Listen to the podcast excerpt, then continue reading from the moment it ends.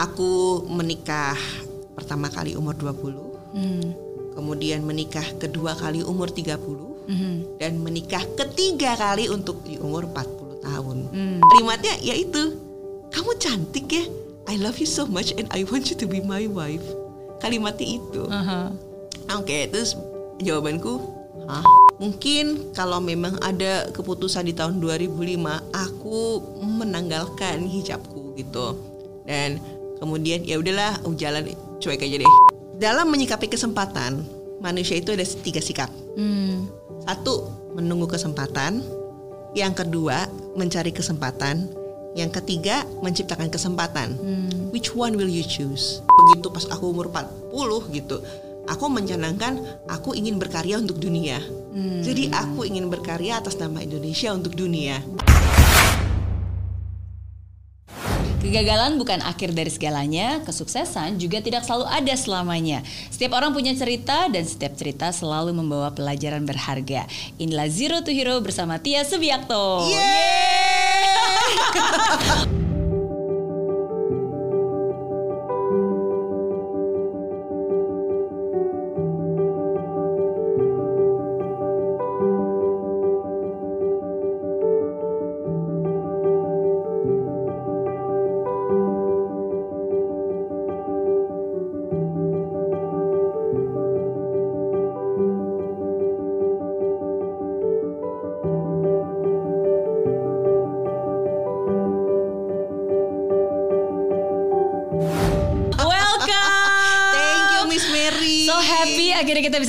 lagi. Akhirnya Yes. setelah sekian lama kan setahun yang lalu lah. Oh iya, tapi kita ini sering banget loh ketemu sama Mbak Tia. Pertama-tama aku kenal Mbak Tia itu karena Mbak Tia adalah uh, music composer, music arranger juga Iya. dari film Mary Riana. Betul, betul sekali. Oke, wah itu keren. Musiknya keren, uh, filmnya keren karena musiknya juga keren. Wih. Thank you Miss. Sama-sama. Terus kita ketemu lagi juga um, Mbak Tia juga pernah ikut uh, the trainer trainer trainer, iya. gitu. Wah, sekarang udah jago banget nih jadi trainer mengajar. Well, mencoba pelan-pelan seperti Miss Mary. Luar biasa ya tetap selalu rendah hati dan mau belajar. Uh, dan abis itu kita sering bertemu lagi karena ada beberapa project dan terakhir Mbak Tia juga membantu untuk membuat lagu Warrior. Yeay. Bukan cuma membuat lagu loh, menyumbangkan suaranya juga loh. iya nggak? Iya, itu kayaknya terakhir kali aku uh, berkunjung ke studionya Mbak Tia ya. Iya, itu tahun 2018 kalau nggak 2018. salah. 2018. Berarti Betul. sudah sudah dua tahun kita baru ketemu lagi. Sudah dua tahun kita baru bertemu lagi Iya. secara face to face ya. Iya, tapi kalau virtual kayaknya kita sering deh WA-WAan. itu karena terakhir maksudnya ini Mbak Tia nih walaupun masa-masa pandemi tapi tetap produktif Alhamdulillah. banyak karyanya bikin lagu juga eh, bikin buku juga Iya, yes betul. Oke, nanti kita akan bahas ini bukunya harus banget harus baca karena ini em, apa ya curahan hati seorang wanita dalam bentuk novel tapi Betul, betul, betul. oke Oke, tapi em, kita pengen bahas dulu nih karena kalau di Zero to Hero kita kan selalu berbagi tentang kisah. Oke, dan em, Mbak Tia buat saya adalah salah satu wanita yang sangat tangguh. Em, bukan hanya sekarang ya, tapi dari kecil pun itu eh, kalau aku baca dan aku dengar sharingnya itu banyak hal yang menurut saya nggak kebetulan sih, tapi everything happens for a reason. Ya ada yang sudah direncanakan, ada yang memang di luar dari rencana tapi justru hasilnya lebih baik lagi. ya nggak? Oke, kita mulai dulu nih dari sejak usia eh, tiga tahun katanya memang udah em, fokus untuk bergerak atau terjun ke dunia musik. Oh iya, pastinya uh, music is my life. Jadi dari umur 3 tahun ketika aku uh, benar-benar main elektron gitu, maksudnya main elektron tuh ya cuman ya udah padahal cuma gitu-gitu doang gitu yang uh, aku pasang buku cerita terus dia gitu aku minta uh, apa namanya uh, pengasuh aku untuk ayo sini sini sini uh, jadi ini jadi uh, padan suara gitu. aku gini-gini nah, terus dia gitu papaku yang ngelihat kebetulan Pak Pak Bi Sugiarto Prius Darsono. Jadi papaku yang mendaftarkan aku ke kelas waktu itu Yamaha Musik Indonesia. Aku masuk kelas KMA. Kemudian dari umur tiga tahun itu berlanjut, Yeah. yes. Jadi aku berlanjut eh, apa eh, belajar piano klasik di Yayasan Pendidikan Musik di EPM. Oke, Sampai bahkan sebenarnya bisa baca not balok duluan sebelum bisa Oh baca. iya bener. Dan nggak bisa ngomong loh. Jadi ngomong tuh nggak jelas gitu loh. Misalnya bener-bener yang nggak kayak sekarang sih. Bener-bener yang Wow, dia eh, kalau kalau lagi marah tuh cuman bisanya potong bebek angsa. Potong bebek Iya, angsa. makanya itu aku ya. Aku pas lagi baca ceritanya Mbak Tia, karena Mbak Tia juga membagikan kisahnya di buku I'm Possible. Terus udah gitu Mbak Tia bilang uh, waktu usia 3 tahun kalau marah itu cuma bisa potong bebek, Bebek angsa. angsa, betul. Itu gimana marah dengan bebek angsa? itu dia aku juga aku juga nggak sadar waktu itu emang cuman yang potong bebek angsa potong bebek angsa jadi begitu pas umur 5-6 tahun aku baru ceritain sama papa mama dia tuh kan kalau marah mesti iya potong bebek angsa. Masak di kuali gitu ya. Oke. Berarti memang music is your life karena dari sejak kecil emang sudah dikelilingi oleh dunia musik. Betul. Mm-mm. Eh, kebetulan papaku juga hobi musik juga. Papaku tuh waktu pas SMA tuh senangnya main bass gitu. Dan ya memang harus ada alat musik di rumah. Jadi dari yang satu elektron itu begitu tahu anak-anaknya juga senang musik, jadinya ada drum lah, ada piano, grand piano lah, ada pokoknya semuanya musik dikumpulin. Terus kalau misalnya kita lagi kepengen family time, kita malah main musik bareng. Jadi kita ngeband. Gitu. Hmm, wow, keren ya. Family time-nya uh, sekalian produktif gitu nge Iya, ngeband. betul, Oke, betul. Oke, dan akhirnya dari sejak SMP juga udah buat feel uh, buat lagu untuk sinetron. Eh, tadinya ditawarin. Hmm. Jadi waktu itu kan umur 13 tahun. Aku ditawarin, eh, dia mau nggak sih bikin musik untuk sinetron gitu. Jadi ada 13 episode. Hmm. Tapi ya mungkin eh, sinetronnya ya mungkin sekarang ece-ece lah ya. Tapi kalau menurut aku kan ya untuk anak umur 13 tahun tuh yang Wow, mau dong, mau dong gitu kan. Tapi memang tiba-tiba eh, mamaku bilang, jangan Tia, Tia itu kan eh, piano klasik, di, di, diselesain dulu aja piano klasik ini segala macam. Terus aku pikir, oke, nggak apa-apa. Someday aku akan ngerjain ginian juga kok. aku akan kerjain project ini, maksudnya dalam bentuk yang beda gitu. Iya. Dan sekarang menjadi profesi toh. Betul, Gitu. betul. Bet- Tapi berarti uh, keinginan dan kesempatan itu sebenarnya juga sudah ada dari sejak remaja, Betul, ya. betul. Oke. Ke- em, ketika waktu itu dapat tawaran untuk buat, walaupun waktu itu si- sinetron, terus ternyata nggak boleh sama orang Mama, tua, nggak boleh uh-uh. sama mama, itu sempat kesal atau marah atau Um, kesel, gitu kesel sih? sih enggak gitu karena aku pikir masih oh ya udahlah aku nurut apa kata mama aja deh gitu. Oh iya tentu uh, pendidikan tuh mesti dikelarin gitu walaupun memang pendidikannya sekolah musik. Ya udah akhirnya aku selesaikan sambil aku memang belajar. Jadi uh, misalnya nih papaku uh, lagi ada project uh, iklan gitu pada waktu itu tahun 90-an itu memang jingle base semuanya ya jadi aku berkesempatan untuk ketemu sama Elva Sesyoria eh, almarhum. Aku manggilnya Om Abang. Nah, jadi kalau Om Abang rekaman, aku pasti selalu nongol ngeliatin. Ya, dan pada zaman dulu tuh kan rekamannya pita kan, Miss. Jadi nggak kayak Oke. sekarang ada digital audio workstation gitu enggak. Iya, Jadi memang iya, iya. pita gitu. Jadi ya udah, aku kadang-kadang jadi backing vokalnya, kadang-kadang aku ngeliatin, oh Om Abang tuh ngerjainnya gini, kayak gitu. Jadi eh, aku belajar dari situ gitu. Mau nggak mau learning by doingnya ngelihat dulu kan. Kita melihat dulu. Terus kemudian eh, ya di tahun 97 baru kejadian aku bikin jingle beneran dan Oke. itu itulah langkah pertama aku as a professional di bidang musik. Oke, oke. Dan tapi dari situ kalau beralih jadi konduktor, Nah, itu tahun 98. Jadi waktu itu tahun 97 setelah aku lulus. Oh, itu juga ada kisahnya sih, Miss. gimana? aku kan aduh aku tuh kepengen banget ya pergi ke Berkeley College of Music gitu ya kan? Lu udah siap-siap oh oh aku mesti bisa TOEFL aku mesti bisa SAT ya udah gitu kan.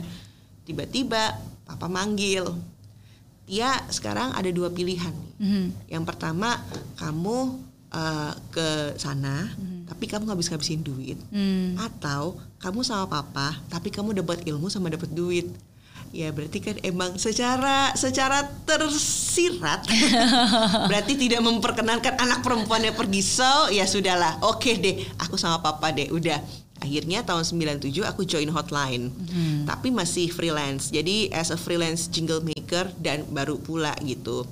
Memang sih eh, shocking banget ketika waktu SMA kita tuh main uh, musik jazz fusion yang kita bisa main uh, musik tuh 8 menit satu komposisi sendiri. Nah, ini tiba-tiba gitu 60 second, 30 second, 50 second. Ya, itu gimana? Intronya cuma 3 second. Udah Buset, selesai udah gitu ya. selesai gitu makanya. Akhirnya ya udah aku coba coba coba ternyata bisa kan. Nah, pada waktu tahun 9798 uh, Pak Bi itu lagi menggalakkan bukan menggalakkan sih. Dia lagi mau mencoba masuk ke uh, marketing PR gitu. Ya, istilah sekarang tuh activation lah ya. Nah, di marketing PR itu ada salah satu bank yang memang mau gitu. Nah, tiba-tiba Pak Bi bilang sama aku dan kebetulan aku juga lagi memang kepengen berhijab udah kan memang lagi berhijab aja gitu. Terus udah gitu Pak Bi bilang, "Eh, "Tia, papa kasih tantangan ya. Kamu bikin orkes." Terus Hah, bikin orkes? Buset, ini bikin jingle aja belum kelar nih lu. Nah, pokoknya bikin orkes gitu. Solawat ada lima solawat yang mesti aku orkestrasi. Dan that's my first time ever yang aduh bisa nggak ya gue? Gitu. Nah tapi untungnya ada Mas Lunggo musisi senior eh, beliau eh, memang memegang trombon pemain trombon. Sama satu lagi sepupuku Kang Iwan Wiraj. Nah eh, beliau eh, percussionist gitu. Dan, dan memang lama di eh, Bang Elva kan Om Abang. Ya udah akhirnya dalam waktu 4-5 hari itu lima orkes eh, itu jadi lima orkes eh, komposisi orkestrasinya itu jadi gitu Oke. Terus waktu latihan kocak karena kan semuanya kan musisinya senior kan, Iya. Miss. Musisi senior terus gitu ke aku. Aku kan tipenya memang gitu kan. Eh, eh, kenalin ya Tia kamu main keyboard ya? Iya. Terus begitu latihan, oke kita berdoa dulu sebelum latihan. Loh, ini konduktornya dia. Padahal usia 20 aja belum waktu Belum, itu kan. 19. 19. 19 tahun. Ini kocak banget gitu yang oh dia. Wah, langsung mulai tuh awal-awal pada mulai protes kan. Ini nggak bisa nih, wilayah nadanya kok begini, kok begini. Aduh, itu benar-benar learning by doing banget ya, Miss. Sumpah itu. Terus udah gitu, aku sampai diajak sa- sa- makan malam sama satu orang pemain trompet gitu. Cuman ngasih tahu doang. Tia, komposisi kamu tuh orkestrasinya tuh salah semua. Tapi diajak makan malam. Tapi aku pikir, ya udah nggak apa-apa deh, masukkan deh. Sampai aku bilang, oke, suatu saat nanti pokoknya komposisi aku nggak ada yang bisa protes. Aku bilang gitu. And I did it gitu. Karena Oke. pada waktu itu dari awal aku umur 19 tahun itu, empat tahun kemudian orang udah pada bilang, oke, ini makin oke, ini makin. Jadi kayak ada Iya. progresnya gitu. Betul. So ternyata aku belajar dari situ. Oke. Gitu, Oke, Every master was once a disaster Yes. kan. Maksudnya semua orang yang hebat pasti selalu ada awalnya yang pasti Pasti. kelibet sana kelibet sini gitu. Tapi yang paling penting adalah um, bagaimana tuh dari mana Mbak Tia bisa mendapatkan kepercayaan diri yang begitu besar karena usianya 20 tahun aja belum gitu kan 19 tahun tapi udah udah maksudnya itu kan berarti dibutuhkan kepercayaan diri yang besar banget dong untuk bisa memimpin senior senior and this is your first time apa yang membuat mm, Mbak Tia pede Kalau aku sih cuman ya udah ada ada ini ada tantangan di depan. Ya udah aku kelarin aja. Hmm. Anyway, Tuhan itu tidak akan memberikan tantangan yang kita tidak mampu menjawabnya. Kita pasti bisa. Aku cuma bilang gitu dari awal gitu. Ditambah lagi cerita waktu itu papa akhirnya cerita kan. Dia itu waktu TK itu pasti kalau ditanya siapa yang mau nyanyi? Saya. Oke kan nyanyi kan udah. Terus udah gitu oke Tia boleh duduk. Gitu. Waktu itu eh, Pak Kasur aku bareng Pak Iya. Kasur terus nanya lagi oke yang lain siapa yang mau nyanyi aku lagi saya Oke. udah ya Tia ya temennya enggak saya gitu kalau marah-marah naik ke atas pohon jambu oh, ternyata bapakku baru cerita itu oh Oke. ternyata aku tuh begitu ya Allah malu-malu Iya, banget iya. Berarti, berarti dari kecil memang keberanian itu sudah bukan hanya ditumbuhkan tapi juga dikembangkan. Betul. Jadi dan dikasih wadah gitu untuk diberikan kesempatan untuk ya Mbak Tia akhirnya bisa bertumbuh dari Iya, situ kan. Iya, iya. Makanya makanya mungkin alasan papaku untuk tidak membiarkan aku ke Boston adalah ya ini, memang Hmm. beliau mau membentuk sendiri anaknya dan dan dia tuh kayak sistemnya memang tarik ulur. Oh, ini anak tuh senang kompetisi, ini anaknya Iya. senang, senang tantangan. Jadi begitu ditantang sesuatu yang nggak mungkin sama dia jadi mungkin gitu. Oke. Jadi kayak gitu sih. Kalau aku setahu aku nih, em, Mbak Tia itu punya yang namanya tumpeng kehidupan. Iya. Bener, aku pertama kali tahu aku kaget loh, pikir wow, that's amazing. Um, dan itu aku baru pertama kali dengar istilah yang namanya tumpeng kehidupan gitu. Mungkin bisa dikasih tahu dulu tumpeng kehidupan itu apa dan kapan pertama kali dibuat tumpeng kehidupan itu? Oke, kalau untuk tumpeng kehidupan, I learn from my papa. Hmm. Ya mungkin karena aku anak papa banget ya, jadi jadi apa pun yang kata papa pasti aku uh, manutin gitu. Hmm. Nah, kalau menurut beliau, Hmm. memang filosofi tumpeng itu adalah kan tumpeng kan begini ya gunung Hmm. tuh. Nah, di puncaknya ini, ini tuh eh, puncak kehidupan kita. Hmm. Biasanya itu di umur 40 tahun. Oke. Makanya ada pepatah bilang life begins at 40. Oke. Nah itu jadi eh, puncak tumpeng itu ada di umur 40 Nah terus udah gitu itu aku runut kan. Oke dari umur sekian aku begini sekian aku begini segala macam sampai tahun 2017 aku dapat Asia Pacific Film Festival begini begini begini. Bentar dulu puncak tumpeng. Belum masuk puncak tumpeng udah best music Asia Pacific Film Festival gitu 2017 kan. Aku itu eh, 2019 umur 40 tahun. Hmm. begitu 40 tahun aku ngapain ya? Gitu. Akhirnya ya udah aku aku tulis plannya. Eh kali aja jadi best music Oscar. Itu masih loh miss. Cita-cita itu masih loh. Iya. terus um, oh iya kali aja aku habis ini ngajar. Kali aja aku habis ini go internasional gitu. Jadi aku uh, malah jadi bikin bikin plan begitu udah nyampe tumpeng untuk agak turunnya sedikit. Kan kan tumpeng begitu kan naik terus jadi turun. Hmm. Nah, untuk plan ini eh, next plannya apa gitu. Tapi yang jelas pertama, yang pertama kali aku- begitu pas aku umur 40 gitu, aku mencanangkan aku ingin berkarya untuk dunia. Hmm. Jadi aku ingin berkarya atas nama Indonesia untuk dunia. Oke. That's oke. it, gitu. Wow. Wow. Apa pun sekarang gitu. Jadi eh, bukan cuma jadi penata musik Betul, mungkin. betul. Mungkin bisa jadi aku mengajar untuk penata musik berikutnya yang Yeah. berkarya untuk dunia. Itu Yeah. bisa banget gitu. Iya. That's me. Oke, dan dan itu em, berarti dari awal pun memang Mbak Tia udah diajarkan oleh Pak Bi untuk selalu punya rencana what's next, Iya. And- dan mem- mem- apa ya merencanakan masa depan dan menjalankan rencananya Betul, betul. Istilahnya tuh one step ahead. one step ahead. Oke oke. mungkin nggak cuma one step, thousand step ahead juga. Aduh cenayang kali ya. Oke, oke. Berarti dari begitu nanti bisa di kalau if you don't mind to share em, apa namanya Tumpengnya. tumpengnya. Itu harus dicari sih di Harus handphone dicari. adanya. Oke, tapi at least selalu berarti step by step. Jadi, sejak kapan pertama kali akhirnya membuat uh, plan seperti itu? Oke, pada waktu itu memang sih yang secara tidak tertulis itu memang sudah terpikirkan. Hmm. Jadi kayak aku afirmasi aja.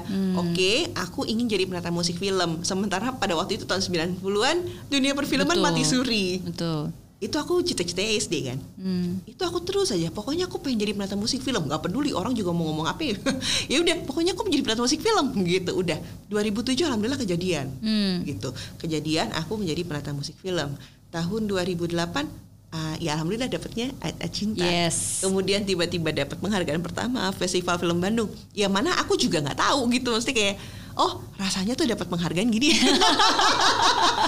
karena seumur hidup gak pernah dapat itu penghargaan. bonus ya ketika uh, kita bisa menghasilkan sebuah karya dan karya itu Iya. diapresiasi Iya. menjadi sebuah prestasi itu wow. Yes, that's bonus memang. Oke. Tapi yang penting kan semangatnya untuk terus menjadi penata musik film itu yang buat aku ya music is my life. Hmm. Malah sekarang music is in my blood.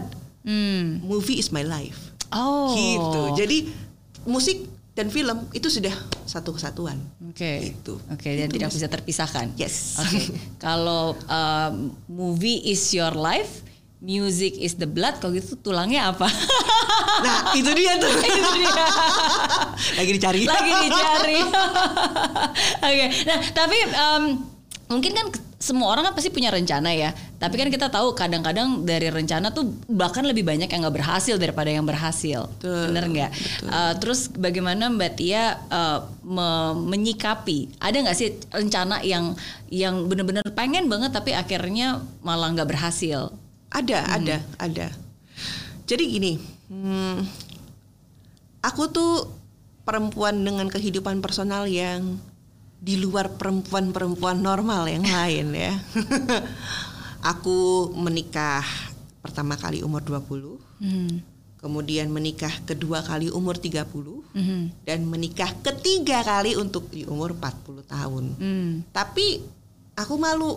Enggak sih, aku cuma berasa bahwa ini adalah bagian perjalanan hidup personal. Hmm. Dan ternyata perjalanan hidup personal ini mempengaruhi eh, apa yang aku lakukan di eh, future gitu, di masa depan tuh oh plan aku akan begini begini begini gitu.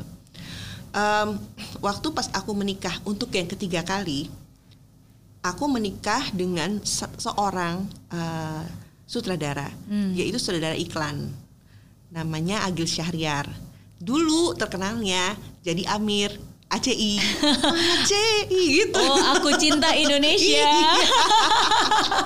wow, kita sejaman ya. Iya, Karena sejaman. untuk TV-nya cuma satu. Programnya itu aku hafal, aku cinta Indonesia. Oke, oke. gitu. Nah, terus beliau tuh jadi beliau seorang akt- aktor. Awalnya jadi Kak Amir, kemudian beliau main di Lupus gitu-gitu kan, barengan almarhum Rian Hidayat.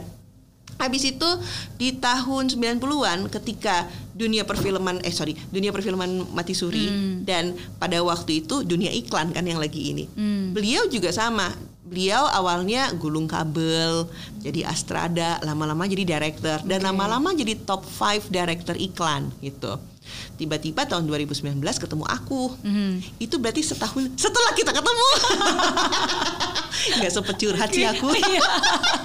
Nah, ini baru curhat sekarang nih Iya, aku. iya, iya. Nah, begitu ketemu, aku juga langsung dilamar. Jadi kayak taaruf gitu.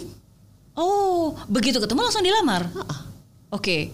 Nggak ada masa PDKT kenalan dulu, cari tahu. Enggak. Enggak taaruf katanya, berarti ya. Katanya eh, dia itu sudah mempelajari aku sejak tahun-tahun yang lalu. Jadi mempelajari tentang aku, aku juga bingung. ya itu kalimatnya ya itu. Kamu cantik ya. I love you so much and I want you to be my wife.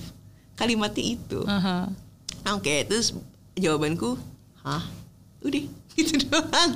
Nah, terus tiba-tiba beliau dengan gagah berani eh, tiga minggu kemudian menghadap keluarga besarku.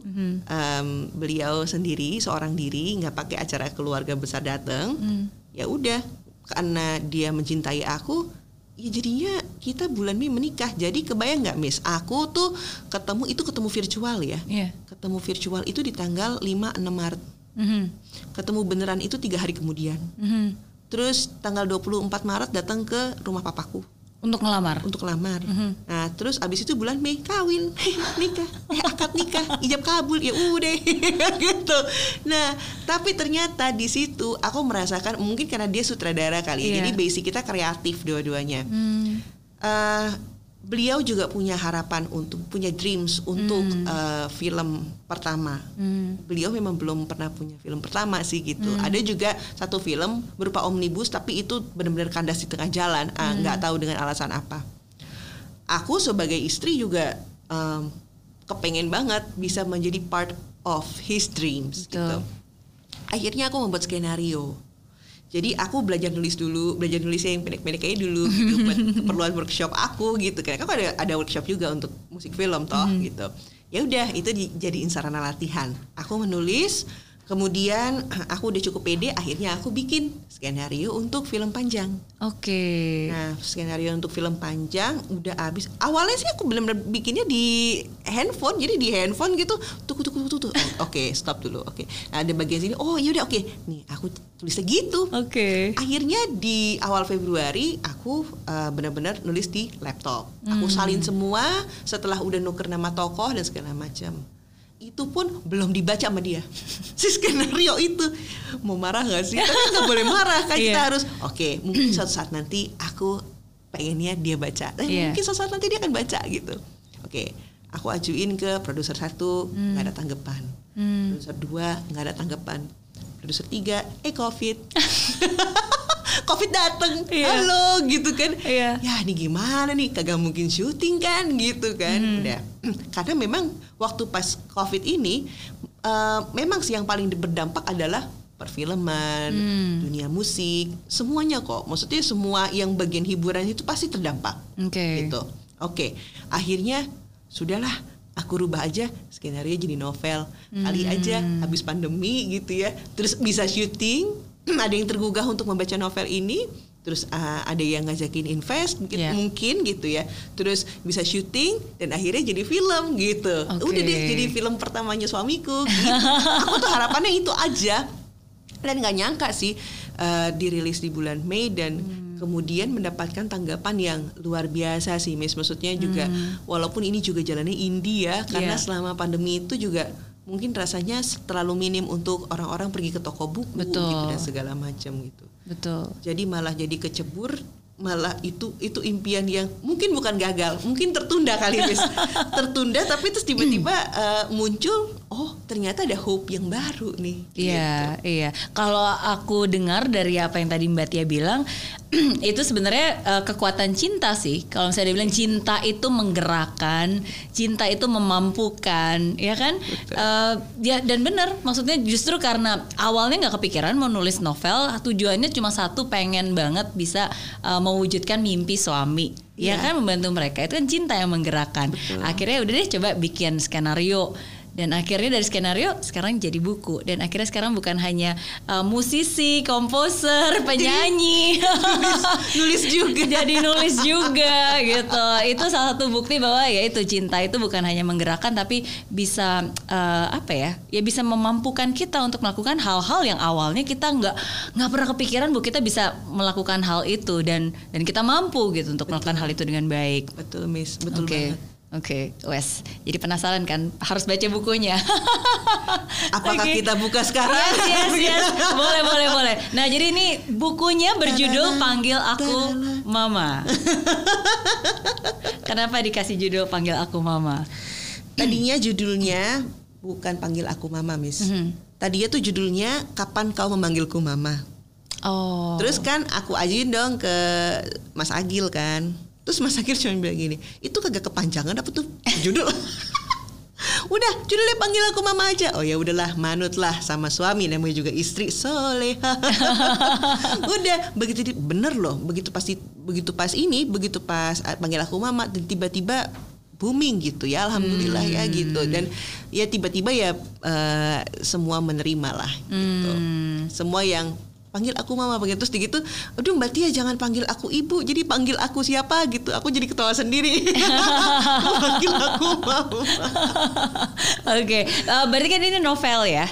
Eh, eh, tapi apakah terinspirasi dari eh, pengalaman pribadi? Yang jelas dipanggil aku mama ini eh, 60% fiksi, 40% fakta. Memang sih penulis itu pasti nggak jauh-jauh inspirasinya dari apa yang dialami kan gitu. Cuman ini aku aku benar-benar berusaha untuk bisa ngeblend in gitu. Jadi namanya juga novel, novel Betul. pasti fiksi Betul, gitu. betul. Nah, eh, untuk menulis ini memang ada beberapa beberapa peristiwa-peristiwa yang based dari um, kejadian hidup aku sendiri. Dan juga ya kejadian hidup para sahabat lah ya. Oke. cuman memang lebih banyak kejadian hidup aku sendiri gitu. Oke, terus oke. juga memperhatikan juga anak-anak. Jadi em, aku tuh memang baru tahu gitu. Maksudnya gini perkembangan anak yang tumbuh normal dengan maksudnya dengan keadaan keluarga yang normal gitu dengan anak-anak yang memang orang tua yang mengalami perceraian. Itu tentu sangat berbeda Hmm. gitu.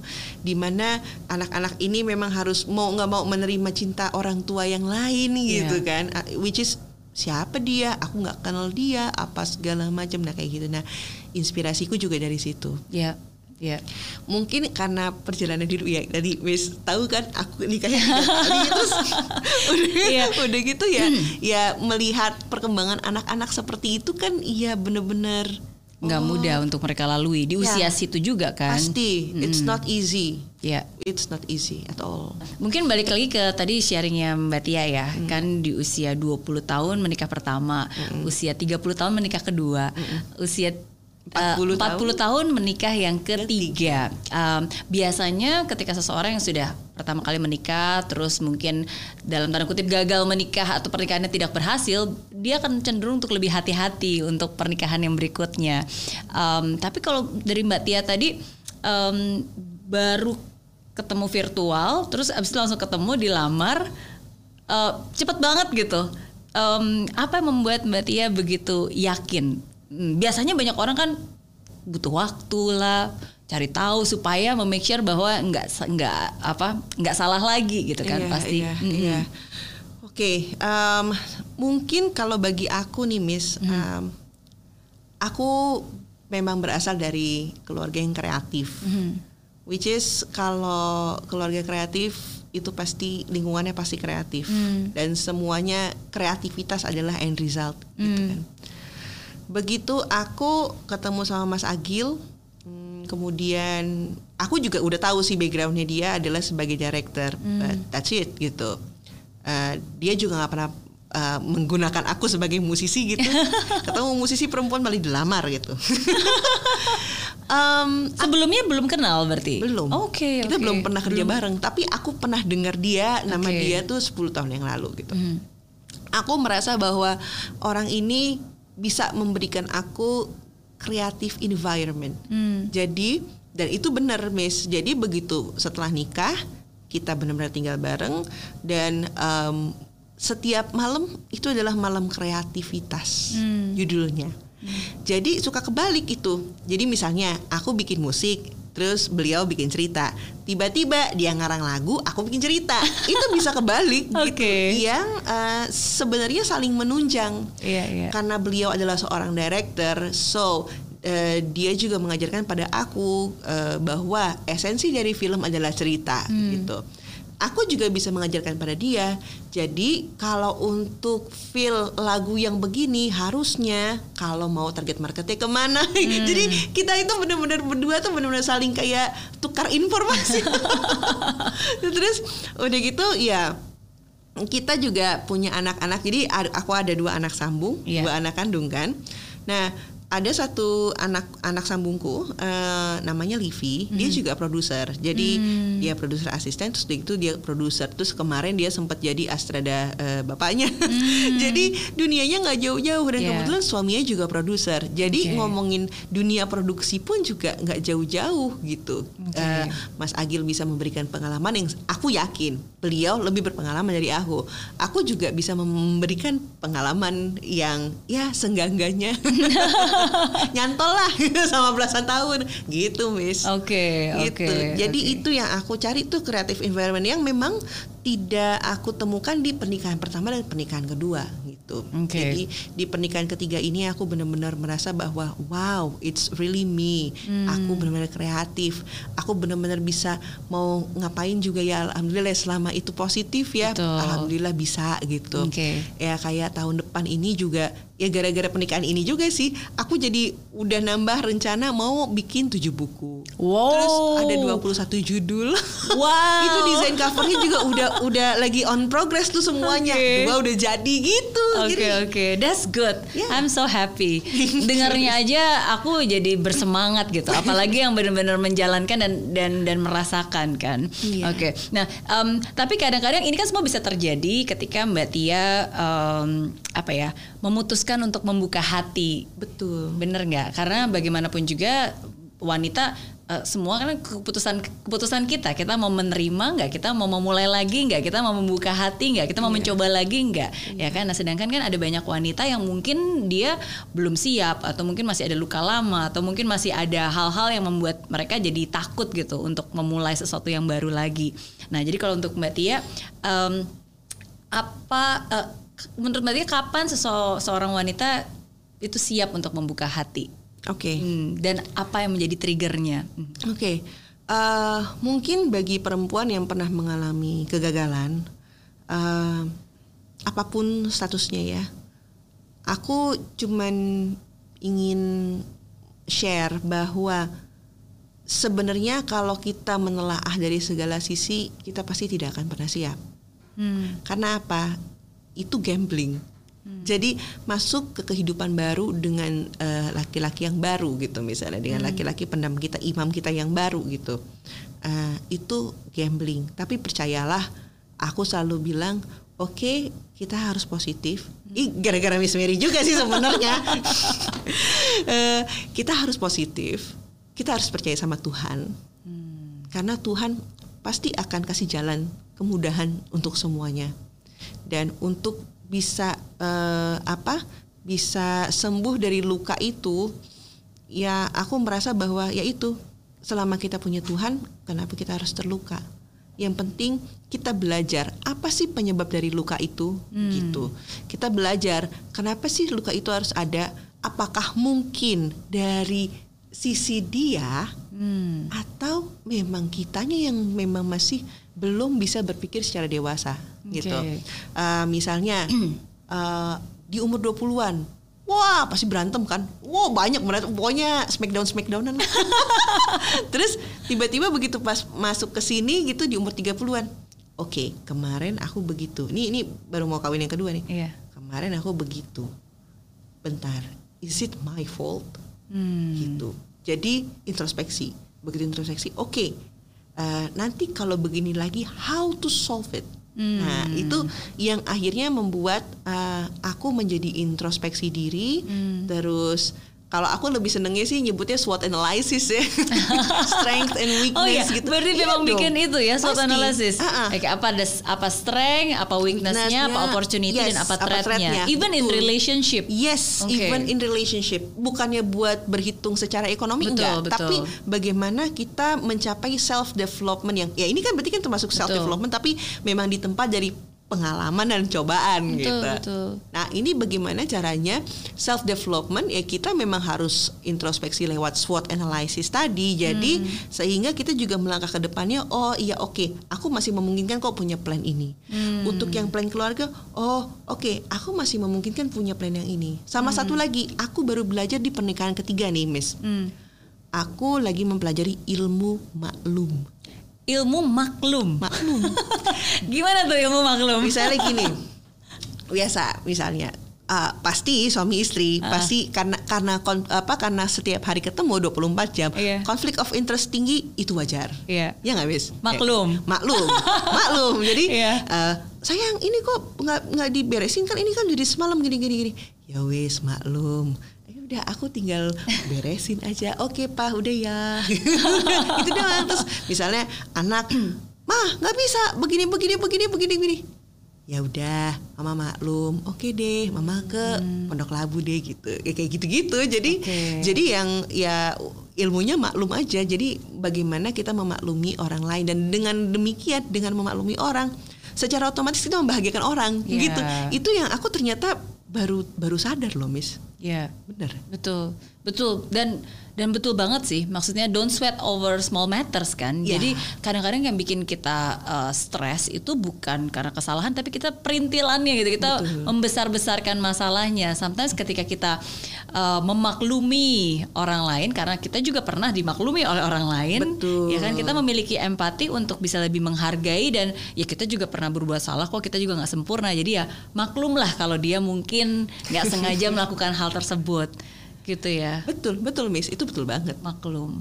Sama ya itulah yang Miss Mary selalu ajarkan lah ke aku pikir positif. It- ini beberapa beneran deh Miss berpikir positif terus udah gitu eh, ya kalau untuk kegagalan tuh ya iya kita harus bagaimana untuk Iya. achieve gitu. Eh pokoknya dari Miss Mary.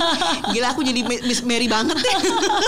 Thank you thank you no we are still learning. Tapi emang betul sih karena apa yang kita pikirkan apa yang kita ucapkan itu Betul. that's very real. Itu itu bisa dari kata bisa jadi nyata jadi hati-hati dengan setiap kata yang kita ucapkan watch your thought What's your thought? Betul, Yeah. betul, betul. Dan aku aku setuju banget kalau tadi Mbak Tia bilang bahwa uh, sometimes kita harus menuliskan bahkan membuat SWOT ya kan, menuliskan karena dengan kita menuliskan itu kita jadi lebih jernih.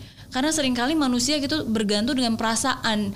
Iya. Kadang-kadang kita rasanya kayak gini, rasanya kayak gini gitu dan dan akhirnya kita berbuat sesuatu yang akhirnya kita menyesal gitu. Tapi dengan kita menulis mau nggak mau kita memaksa untuk merumuskan rasa itu menjadi sebuah logika, menjadi sebuah tulisan Betul, gitu. Jadi betul. yang tadinya takut tapi begitu ditulis eh ternyata nggak takut-takut amat kok gitu ya. yang tadinya khawatir ternyata nggak khawatir banget oh, kok. ternyata nggak gini kok gitu. Terus ada juga misalnya nih kayak keinginan. Kita Hmm. punya keinginan tapi Tuhan bilang nanti dulu gitu. Aku ada satu keinginan dan tiba-tiba pas dua hari sebelumnya aku mendapat kabar yang harus menunda keinginan ini Hmm. gitu ya. Oh, aku tahu nih maksudnya Tuhan di balik ini apa. Hmm. Berarti Tuhan bilang kamu belum siap di jadi nanti siapnya nanti kamu harus tunggu tahun depan gitu itu ada pernah ada kejadian gitu jadi itu Oke. kan membuat menjadi oke kita harus maklum dengan keputusan Iya. Tuhan nah itu dia tuh itu menjadi begitu lagi akhirnya ilmu maklum. Ilmu maklum. Iya, itu jadi hashtag sekarang. Ilmu penting, apalagi di masa-masa covid, eh, masa Pasti. pandemi saat ini kan, Pasti. di mana mungkin ada banyak hal yang kita merasa terbatasi, ada banyak hal yang mungkin tidak sesuai dengan ekspektasi, tapi ya again Harus maklum. Harus maklum. Iya. Oke, nah em, aku pengen nanya nih. Tadi aku setuju banget kalau Mbak Tia bilang bahwa em, sometimes sebagai wanita kita harus introspeksi ya. Betul. Eh, bukan wanita sih, semua manusia juga pasti harus introspeksi dan sering kali kadang-kadang kita nggak mau maju karena mungkin kita sendiri yang belum sembuh dari luka itu. Eh, kita sendiri yang masih suka ngorek-ngorek luka itu sendiri. Iya, ya kan? betul, betul, betul, Benar. betul. Kalau em, tapi tapi mungkin di masyarakat pun ada yang namanya stigma. Bener nggak? Stigma seorang wanita apalagi kayak single parents yang mungkin em, apa belum berhasil di pernikahan sebelumnya. Nah kayak stigma stigma seperti itu itu perasaan doang atau sebenarnya itu real sih? Maksudnya contohnya nih kayak kayak em, Mbak Tia pernah bilang bahkan kadang-kadang untuk single parent aja ada yang pokoknya saya nggak mau dibilang janda kalau dibilang janda itu tersinggung Iya. maunya dibilang single parent itu kan em, eh, sesuatu yang aku aku nggak tahu apakah itu sesuatu yang wajar gimana menurut pandangan Mbak? Oke, em, kalau bagi aku Hmm. sih sebenarnya em, memang pasti itu akan lebih sensitif Hmm. em, disebut antara disebut janda atau disebut mau disebut single mom lebih baik itu Hmm. aku rasa nggak apa-apa sih yang penting mungkin pengetahuan kitanya sendiri tentang misalnya Hmm. oh oke ah, aku sudah lama berpisah oh berarti you're single mom right gitu jadi jadi Hmm. emang memang mungkin akan membuat lebih nyaman mungkin Hmm. ya gitu dengan sebutan itu gitu karena kayak sebutan janda kayak kayak eh, temanku sendiri juga padahal laki-laki protes ti kenapa harus dibilang janda sih? Kan single mom dong kan? Udah. Oke deh. Tapi aku sendiri juga juga sempat menjadi single mom myself Oke. gitu. Tapi buat aku sebutan sebagai janda atau single mom buat aku pribadi doesn't matter. Karena apa? Karena aku selalu berprinsip oke mungkin hari ini aku menjadi single mom atau janda atau apa yang mereka sebutkan aku sendirian lah gitu intinya tapi hidup berjalan maju. Hidup tuh nggak pernah berjalan mundur. Jadi untuk eh, untuk berpikir secara emosional gitu tentang apa yang terjadi yang kita nggak bisa eh, keluar dari emosi itu, itu untuk apa? Kita mendingan jalan berjalan maju. Kita punya anak, anak kita itu masa depan kita. Kenapa kita nggak eh, develop anak kita dan kemudian ya mungkin God's will ya gitu. Mungkin Allah akan akan kasih jodoh yang lebih baik gitu. Ya. Kan kita nggak pernah tahu. Lahir eh, jodoh, rezeki sama meninggal ya. Itu itu kan udah rahasia Tuhan yang kita nggak pernah tahu kapan terjadinya. Kita cuma bisa ya udah jalan terus, jalan terus, jalan terus. Nah, bagi yang mereka yang terperangkap, aku juga tidak tahu mungkin dengan alasan apa pun ya. Tapi eh, ada juga beberapa yang bisa pandai untuk menyembunyikan, oke bukan menyembunyikan sih, tapi untuk meng self healingkan perasaan, perasaan lukanya gitu ya. Ada juga yang tidak pandai, jadi memang emosional terus menerus, jadi memang terperangkap di emosi itu aja gitu. Itu yang aku pelajari eh, pun ketika juga aku juga eh, waktu itu virtual book signing panggil aku mama cetakan kedua. Itu banyak banget yang curhat sama aku. Mesti kayak yang Ya. eh, sesuai dengan perjalanan hidupnya masing-masing which is ada yang ada yang masih menikah tapi dia tahu eh, suaminya eh, mungkin having affair gitu dan segala macamnya gitu dan how to handle it gitu. Eh, aku juga belajar jadinya. Oh ternyata ada ya part of life yang seperti ini gitu. Terus di gitu ada juga yang eh, iya mbak aku tuh single parents loh sebenarnya. Oh oke. Ada juga yang begini. Terus udah gitu ada juga yang bilang ternyata kekuatan anak itu segala-galanya. Aku tuh kalau dikasih surat tuh bener-bener ya aku nangis sih tapi itu menjadi penguatku. Karena penguatku adalah anak-anakku gitu. Itu ada juga yang begitu. Oke. So I learn a lot juga dari perjalanan teman-teman selain perjalanan aku sendiri. Iya. Mungkin kalau aku eh, karena aku emang badak kali ya. Jadi ya udah cek aja gue pikir kayak gitu kalau aku tuh begitu. Cuman oh ternyata ada beberapa perasaan-perasaan yang seperti itu ya Betul, gitu. betul. Karena setiap orang itu hidupnya berbeda kan. Pasti. cannot- kita nggak bisa uh, bilang bahwa oh ya I know how it feels in your shoes. Kita nggak bisa berada di di Kita sepatu tidak kakinya bisa mereka kan. menggenerala- mengeneralisasi. Karena yang jalanin mereka ukuran sepatunya beda-beda, yang Betul. yang dilalui juga berbeda. Jadi Betul. pasti pasti berbeda betul, semuanya. betul Miss. Betul Iya, banget. iya. Tapi kalau dari Mbak Tia sendiri, biasanya apa sih ketakutan terbesar eh, sebelum memutuskan menikah lagi? Dan bagaimana cara mengatasi ketakutan itu? Oke. Ah, wak- sebenarnya ya eh, memutuskan untuk melangkah ke lembaran baru lagi itu gambling. Itu yang seperti aku bilang tadi ya. Ah, masih ada harapan bahwa ketika aku menikah nanti, aku juga berada di lingkungan keluarga yang normal. Maksudnya keluarga yang normal tuh ya aku punya imam, anak-anak itu punya bapak. Walaupun bapaknya memang ketemu istilahnya di tengah jalan. maksudnya di tengah jalan tuh maksudnya di tengah perjalanan hidup gitu Betul. yang jelas. Em, tapi itu tidak mudah ternyata Miss. Tidak mudah. Sampai saat ini anak-anakku juga eh, apa namanya tinggal di rumah yang berbeda dengan aku. Ya untungnya sih masih studio-studio juga, jadi tiap hari juga masih bisa melipir gitu kan. nah eh, itu pun juga eh, dengan apa ya, dengan hati yang lapang. Ah, Jadi ya sudahlah si suamiku maunya apa, anak-anakku maunya apa, ya ilmu maklum tadi Hmm. ya sudah nggak apa-apa biarkan aku mundur dulu deh gitu mundur untuk untuk sesuatu yang yang penting kebahagiaan mereka. Oke, kayak gitu sih. Oke. Eh, itu pun juga tidak mudah sih Miss. Tapi karena suatu saat nanti aku tuh kepengen punya rumah satu rumah yang memang keluarga tuh semuanya ngumpul satu rumah. Iya. Eh, seperti keluarga-keluarga normal. Karena aku belum pernah sih menjadi seorang istri dari keluarga normal tuh belum pernah gitu kan. Karena di pernikahan pertama udah telanjur begitu tiga setengah tahun aku selesai gitu kan. Dan eh, ya cukup mudah sih di usia 25 tahun aku menjadi single mom tuh. Mudah banget kan miss? Benar-benar mudah banget gitu. Ya yang mana? Ya itu. Aku cuma bilang eh hidup tuh maju sian anak-anak gitu gitu doang jadi Iya. ya aku tetap struggle tetap struggle sampai 30 menikah eh nggak taunya gagal lagi 40 menikah ya mudah-mudahan yang sekarang nggak gagal lagi gitu. Amin, amin. Tapi memang em, sering kali dengan kita memberikan mereka ruang, memberikan mereka waktu, khususnya untuk anak-anak ya, em, ya suatu saat nanti pasti itu akan jauh lebih baik daripada kita memaksakan dan memaksakan mereka untuk mengerti sesuai dengan Iya. timingnya yang kita mau. Iya, Benar iya nggak? itu itu itu betul banget.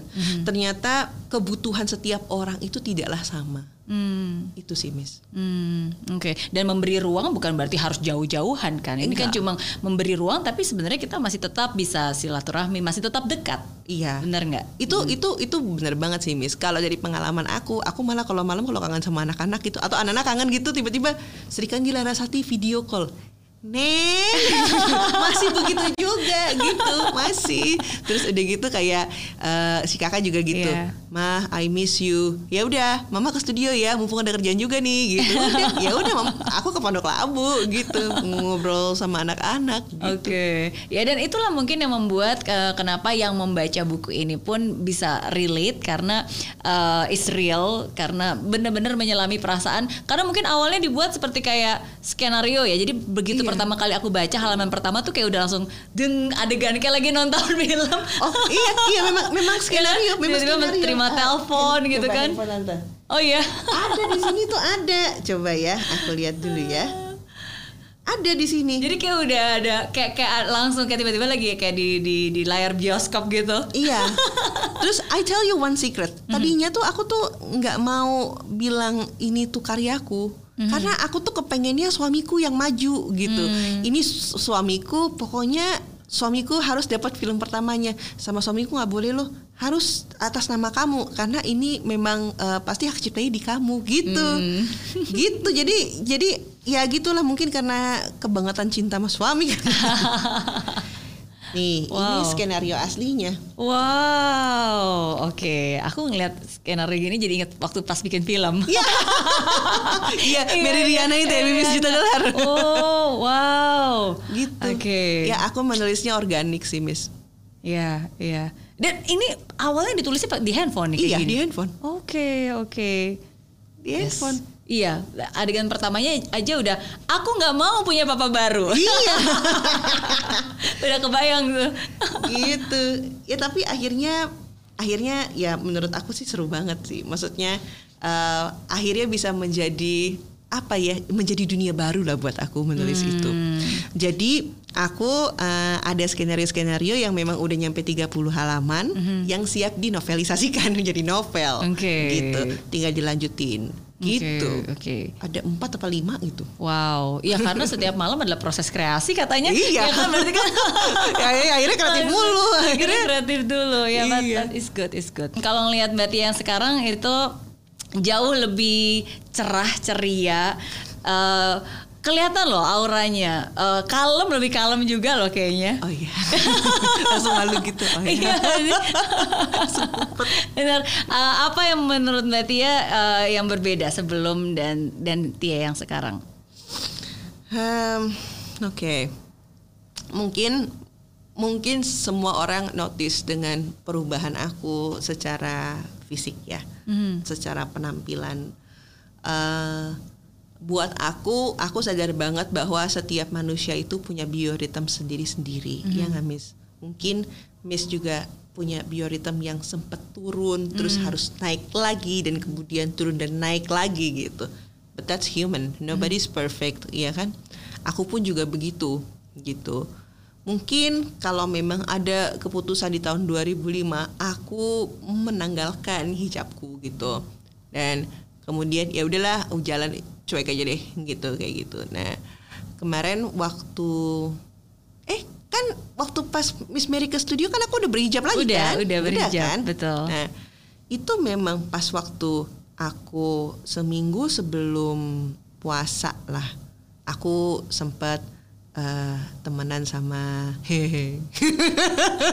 Terus aku diminta ke Cirebon gitu Ah. kan. Kemudian di kalau nggak salah di Kasepuhan apa ya ada acara yang seminggu sebelum aku lupa nama acaranya apa Hmm. tapi eh, kok jadi nancep PK aku gitu Hmm. maksudnya nilai-nilainya itu sangat menancap ke diriku eh, jadi seminggu sebelum puasa tuh biasanya dibacakan kitab-kitabnya Sunan bukan kitab sih mungkin tulisan ya eh, tulisan eh, Sunan Gunung Jati Hmm. Eh, tentang eh, makna puasa itu apa, kita sebagai manusia harus seperti apa. Mungkin itu yang menjadi pikiran aku juga. Begitu dari Cirebon ke Jakarta naik kereta, aku sudah mulai berpikir, oh manusia itu harus begitu ya, yang harus dijauhi begini ya, yang harus di-develop tuh ini ya. Jadi udah ada pemikiran-pemikiran sampai akhirnya eh, waktu kita puasa hari kedua eh, dua Ramadan itu ya aku memutuskan untuk berhijab lagi. Gitu. Em, mungkin karena pemikiran-pemikiran itu, terus aku juga lagi berusaha banget eh, bagaimana caranya supaya menjadi istiqomah kayak gitu. Jadi ya lagi berjuang. Ternyata istiqomah tuh mem- memerlukan perjuangan. Mari berjuang. yes, tapi itulah salah satu um, wujud dari bentuk pernikahan yang baik. Maksudnya kadang-kadang banyak orang yang bertanya ke saya kan, kok Miss Mary tahu sih is he the one? Apakah dia jodohku? Apakah dia orang yang tepat untuk aku? Dan menurut saya biasa sih saya selalu bilang eh, paling simpel ya kamu harus tanyakan kepada diri kamu sendiri gitu. Apakah dengan dia, apakah dia membawa kamu ke tempat yang lebih baik gitu? Apakah dia membawa kamu jadi lebih sering beribadah? Apakah dia membawa kamu jadi lebih tenang? Apakah dia membawa kamu jadi lebih membuat kamu berkarya atau berani gitu untuk menunjukkan karya kamu, menggali potensi kamu gitu. Jadi ya kalau kamu bisa menjawab pertanyaan itu, ya kamu juga tahu sih sebenarnya apakah dia seseorang yang tepat untuk Is kamu atau enggak gitu Gitu kan? ya. Is he the one?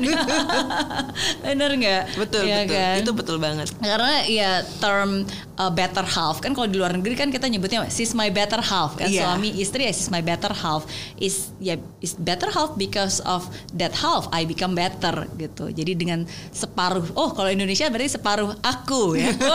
Separuh aku yang lebih baik.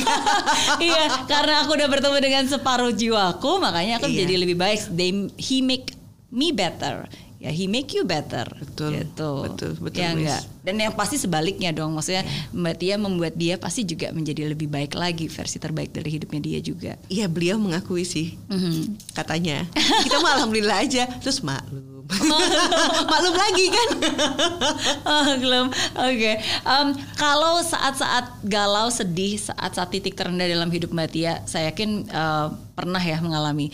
Eh, maksudnya pasti banyak. Aku baca, aku baca, aku pernah waktu itu Mbak Tia pernah sharing karena waktu itu Mbak Tia juga pernah ke Riana Show, ya Oh, kan? iya. Em, bagaimana harus merelakan menjual piano kesayangan. Oh iya iya ya itu kan? itu iya itu pertama kali aku harus membuka studio sendiri karena di tahun 2004 2005 aku eh, diminta mundur dari eh, hotline Pak Bi juga ya udahlah sana deh gitu.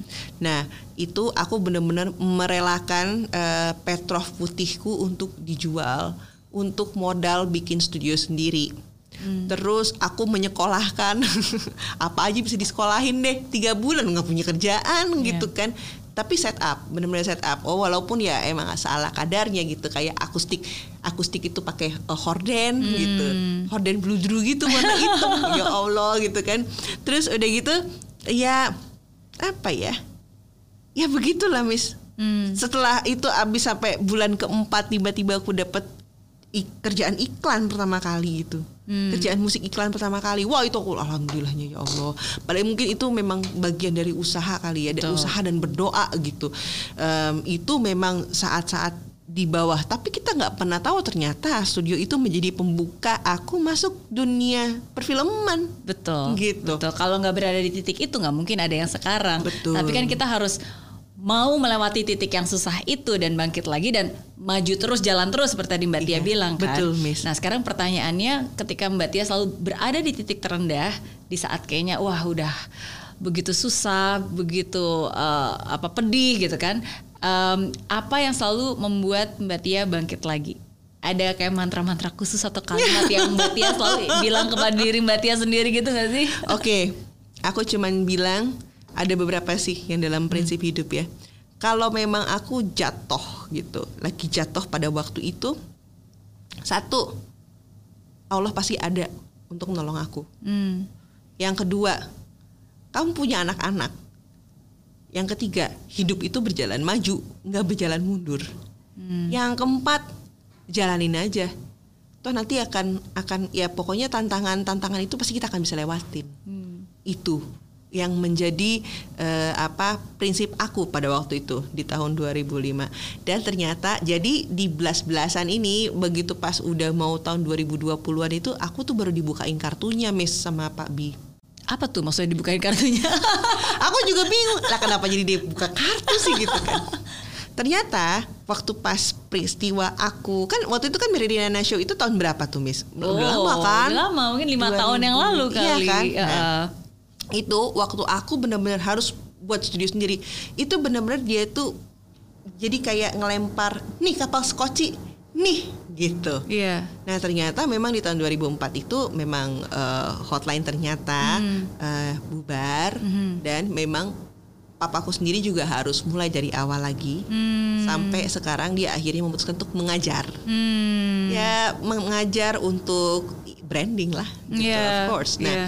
tapi ternyata itu memang udah skoci buat aku yang Oke. 2004 itu 2005 skoci gitu udah sana seng gitu. Oke. Akhirnya begitu pas seng dilempar sendiri kan aku harus usaha kan belajar berenang tuh. Betul. Belajar berenang begitu belajar berenang ya itu hasilnya oh ternyata dia udah bisa nggak pakai bapaknya gitu. Oke. Nah, udah Tio udah bisa sendiri, udah bisa membuktikan menjadi penata musik film Indonesia, ya udah berarti sudah jalan gitu. Jadi Oke. kayak belajar mandiri tapi eh, memang di tapi kenapa harus so drama begitu sih? Eh, ya. sometimes itulah ya kalau buat saya sih saya saya namakan tuh trust the process. Kadang-kadang maksudnya nggak semuanya tuh harus dijelaskan dulu loh. Kamu tuh begini-gini karena begini begini begini. Sometimes Iya. we have to really trust the process. Kadang penjelasannya tuh adanya di, akhir. Iya makanya bener ya itu. Ternyata baru kebuka Miss. Aku langsung oh ternyata itu tuh. iya iya iya betul tapi bagaimanapun juga again kita harus trust the process percaya ya udah jalanin aja kal karena ketika kita tetap berjalan di saat susah ya itu membuat kita lebih tangguh membuat kita itu bener banget. jadi uh, lebih mampu ya kan Betul, dan the power of kepepet kan kita kadang nggak tahu bahwa kita semampu itu tapi karena harus berjalan terus harus berjuang punya anak akhirnya kita jadi melakukan sesuatu yang mungkin itu di luar batas kemampuan kita awalnya kan? Atau mungkin kita pikir kita nggak bisa. iya Gitu. Eh nggak taunya bisa. Katanya bisa. Oke, oke. So happy semua hal udah banyak yang terjadi, banyak yang diwujudkan. Em, cita-cita yang belum terpenuhi berarti apa nih? Oke, em, jadi kan Miss Mary tahu kan em, yang tadi tumpeng, tumpeng kehidupan. So eh, aku cuma mau mencanangkan satu, aku ingin berkarya untuk dunia. Jadi eh, kepengen go internasional itu apa pun lah bentuknya, apa pun wujudnya. Bismillah, mudah-mudahan kejadian. Gitu ya. Amin, amin, amin, amin, amin, amin. Kita doakan love attraction berarti ya. Iya. Yes, of attraction. Oke, pertanyaan terakhir nih aku dari tadi nggak nggak mau berhenti ya. terakhir terakhir. Karena dari tadi eh, sebenarnya dari perbincangan kita eh, Mbak Tia eh, sering kali menyebutkan Pak Bi. Karena itu pasti inspirasi dan banyak banget hal yang dilakukan oleh Pak Bi di dalam hidup Mbak Tia. Terutama juga pasti banyak juga nasihat dari Pak Bi kayaknya ya. Sampai sekarang. Apa nih nasihat eh, nasihat terbaik yang selalu diingat dari Pak Bi? Oke. Em, dalam menyikapi kesempatan, manusia itu ada tiga sikap. Hmm. Satu, menunggu kesempatan. Yang kedua, mencari kesempatan. Yang ketiga, menciptakan kesempatan. Which one will you choose? Hmm. Itu salah satu nasihat Pak Bi. Dan nasihat-nasihat yang banyak lagi sih. Banyak banget soalnya. Dari kecil. Tapi itu yang paling aku ingat itu. Oke. Terus uh, kita bisa punya kemauan. Eh, bisa melakukan itu asal ada tiga hal. Misalnya melakukan cita-cita gitu misalnya ya. Ada tiga hal. Mau, mampu, dan ada waktu. Oh. Itu juga Pak Bi yang ngajarin ke aku. Oke. Gitu. Oh, that's that's a very good one. Karena banyak orang yang mampu tapi nggak mau. Iya. Begitu nggak ada waktu lagi. Hmm. Iya, itu dia. Atau mau tapi nggak mampu dan nggak Iya. ada waktu. Iya. Gitu. Dan memang kalau untuk mencapai cita-cita harus ada tiga-tiganya. Hmm. Gitu. Wow. Suatu saat harus ketemu Pak Bi nih. Harus, harus kolaborasi.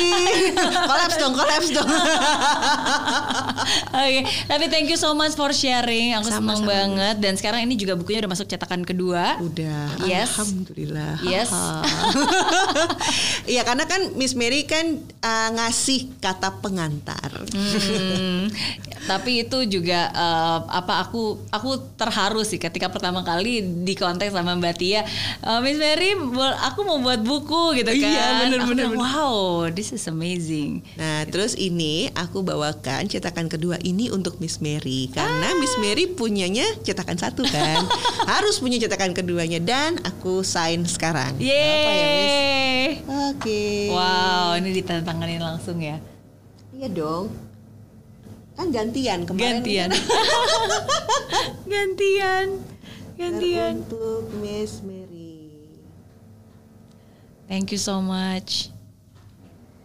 Aku sih paling aku sih kepengen banget ya nulis favorite quote-nya Miss Mary yang sekarang jadi favorite quote-nya aku. Apa?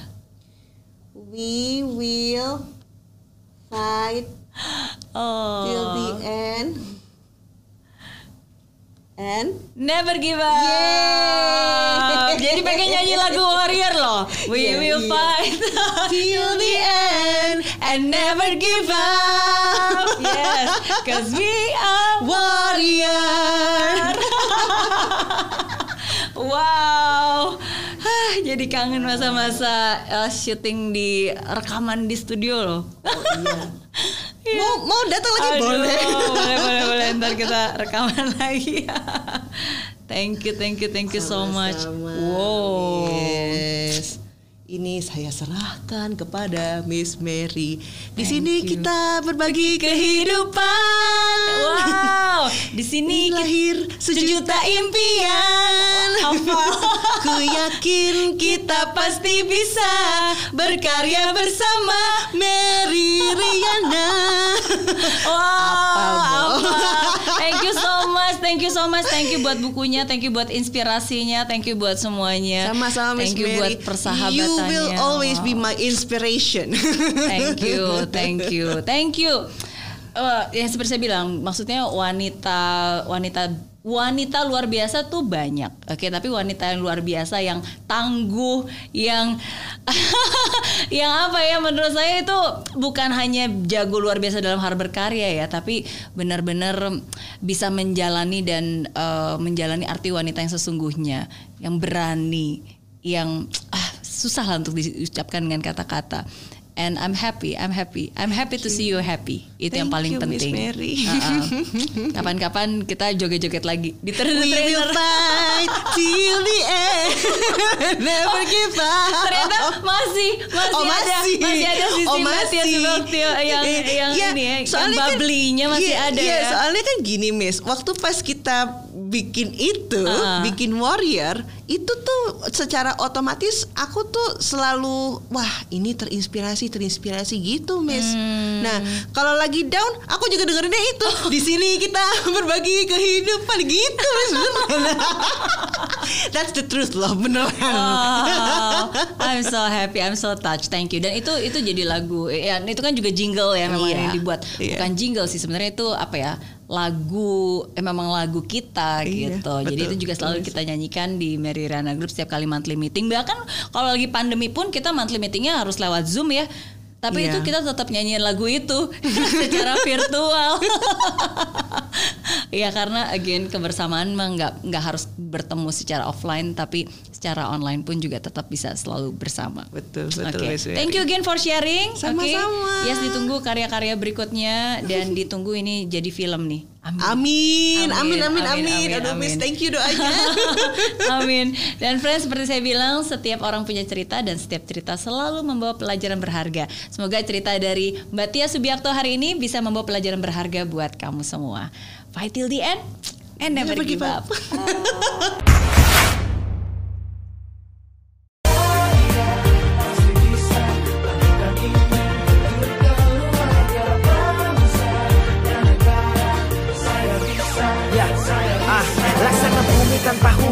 hidup tanpa tujuan, kering dan mati tanpa hijaunya tumbuhan. Ah, demikian kalau mimpi tak kunjung terjadi.